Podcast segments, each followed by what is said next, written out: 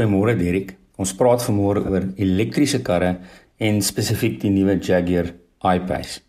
Nou voor ons meer praat oor die I-Pace, kom ons begin net 'n basiese paar punte oor hoe werk elektriese karre. So kom ons vergelyk 'n elektriese kar met 'n petrolkar. Hoe werk 'n petrolkar? Ons het 'n petrol engine. Agter die engine het ons 'n radkas. Ons het 'n dryfas na 'n ewenaar wat die wiele dan dryf. So die nadeel van 'n uh, konvensionele petrolkar is dat die engine baie spasie neem. 'n uh, Engine het redelik geraas uh, en daar's baie bewegende dele. In 'n geval van 'n elektriese motor is daar baie minder bewegende dele. Daar's twee elektriese motors en 'n elektriese motor is iets wat jy baie in jou huis self al gebruik, soos byvoorbeeld in 'n waier of 'n menger of 'n stofsuier.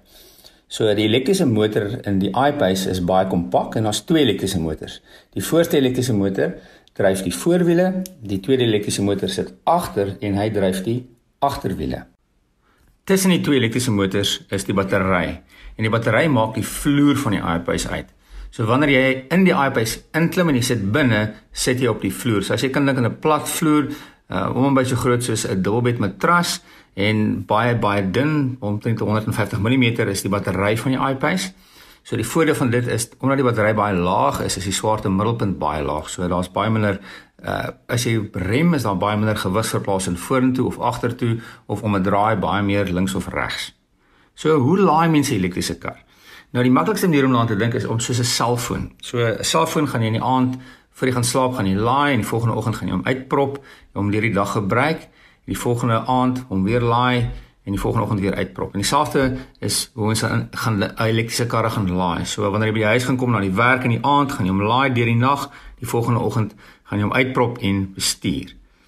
Daar's twee maniere om hom te laai of met wisselstroom of met hoë stroom. Nou meeste van ons huise het wisselstroom, so wisselstroom is die mees algemene manier wat ons die iPads gaan laai. Daar's twee maniere om die iPads dan in wisselstroom te laai. So die eerste een is net 'n konvensionele kraglaaier. So saam met die iPads kry jy 'n laaier wat mense in 'n muurprop kan inprop en dit gaan jy byvoorbeeld gebruik as jy by iemand gaan kuier en net nodig om die iPads te laai. Dit is 'n baie stadige manier om die iPads te laai.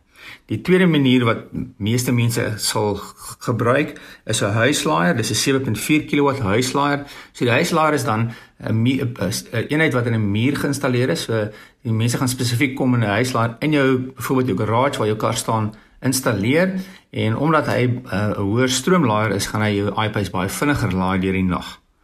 Die derde manier om 'n iPad te laai is met direkte stroom. Maar direkte stroom is nie iets wat jy by jou huis gaan hê nie. Dit is 'n hoëspoedlaaier wat meer in 'n netwerk is in Suid-Afrika. Tans is daar al klaar 'n redelike goeie netwerk van laaiers, 85 laaistasies deur Suid-Afrika. En meeste van hulle is hoë stroom, dis 60 kW direkte stroom.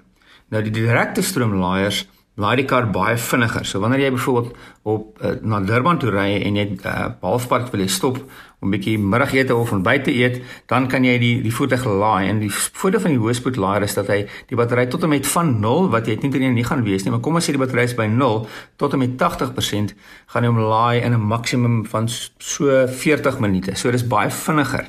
So die voordeel van hoëspoed laaiers is 'n baie vinniger manier om hom te laai. So hoe lyk 'n iPace aan die buitekant? Elektriese kar. Wel, hy lyk soos 'n konvensionele kar en is al klaar 'n groot voordeel is van die eerste elektriese karre het anders gelyk as konvensionele karre en vir baie mense het dit hulle moontlik afgesit want hulle het nie noodwendig gehou van die stylering nie. Die iPace is is regtig 'n baie mooi kar en 'n baie sportiewe kar. Hoe lyk die iPace binne? Wel, hy lyk net soos 'n konvensionele kar. Wanneer jy deur oopmaak en binne inklim, is dit 'n uh, uh, twee raakskerms in die middelkonsole, een vir die klimaatbeheer en een vir die res van die ehm uh, stelsels soos byvoorbeeld jou navigasie ehm um, of die ritrekenaar of jou te telefoonfunksies. Dan het jy ook instrumentasie vir die bestuurder. Maar daai instrumentasie lyk dan bietjie anders. Gewoonlik het jy dan 'n uh, 'n uh, 'n meter wat vir jou sê wat die revolusies van die engine is. In die geval van die iPace is daar 'n meter wat vir jou wys wat die krag is en dan in Engels praat hulle van recuperation, met ander woorde wanneer word die battery gelaai. So wat is recuperation? Recuperation is wanneer ek bestuur, het die elektriese motor die vermoë om die battery te laai wanneer ek die petrol of die versneller los of wanneer ek rem. So wanneer ek versnel, gebruik ek elektrisiteit, so ek neem krag uit die batterye uit. Maar wanneer ek dan die versneller los, draai die wiele die elektriese motor draai en daai energie word dan omgekeer om die battery stadig te laai en wanneer ek rem, is daar 'n bietjie meer energie om die battery te laai. En Die die die voordeel van dit is natuurlik dat ek uh wanneer ek byvoorbeeld op 'n bergpas ry, kan ek bietjie energie terugkry in die battery of selfs wanneer ek in die stad ry kan ek energie terugkry. En met die iPace is dit bietjie anders omdat ek nou met een pedaal kan bestuur. So wanneer ek bestuur byvoorbeeld in die stad, as ek begin versnel, versnel die iPace wanneer ek die versneller los, is daai remkrag redelik baie. So die gevoel wat ek kry is amper asof ek self rem. So daai engine rem redelik baie en hy laai die battery redelik baie. So mense kan nou met die iPace baie meer met een pedaal begin bestuur. Ehm um, maar jy kan dit ook stel hoe baie die engine of die die elektriese motor moet rem.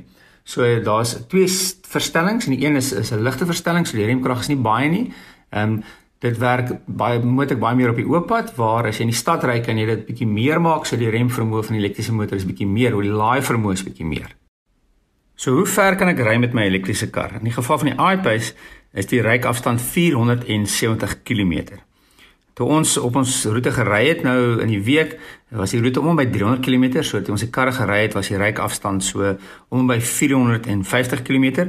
Na ons 300 km gery het, was daar nog meer as 100 110 km oor in die ryafstand van die iPace. So verseker daai 470 km wat ehm um, Jagger sê gaan kry is iets wat wat baie maklik haalbaar is en ek kan ook sê dat mense natuurlik die die versnelling baie meer getoets het in die kar. So was nie geval van dat mense rustig noodwendig gery het nie. Mense wil regtig voel hoe voel die versnelling en hoe voel die remkrag van die battery, maar die iPace in daai geval voel baie soos 'n konvensionele kar. Om die waarheid te sê, die rit is regtig baie gemaklik. Ehm um, veral met die ligvering. Ehm um, die kar is bietjie swaarder as 'n konvensionele kar want die batterypak is redelik swaar. So hy weeg om en by 2.2 ton wat hom 'n redelike swaar kar maak. Baie mense gaan natuurlik bekommerd wees oor die lewensduur van die battery. Jaguar gee 'n 8 jaar en 160 000 km waarborg vir die elektriese battery. So ek dink nie jy hoef regtig so bekommerd te wees oor die kwaliteit van die battery nie want Jaguar natuurlik het baie toetswerk gedoen met die battery om seker te maak dat hy vir 'n lang tyd gaan hou. So versnelling is sekerlik die ding wat my die meeste beïndruk het van die iPace.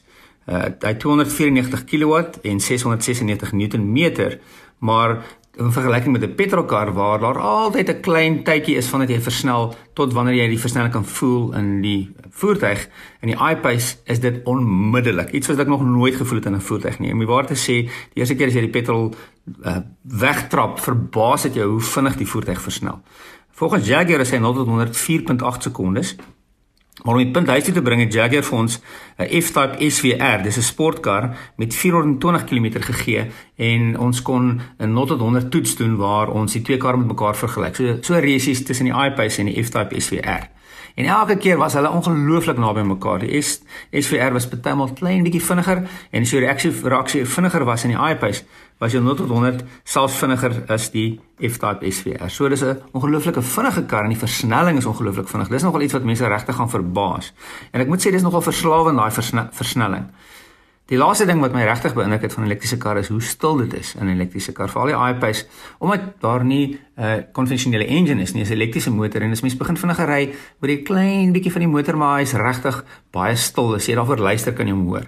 So daar's geen geraas van die engine nie. So wat mens bietjie meer hoor is bande wat op die pad draai en bietjie meer lug wat om die kar beweeg, maar selfs dan is die kar baie stil. En as jy op die snelweg ry teen 120, het jy regtig 'n kar wat baie stil is.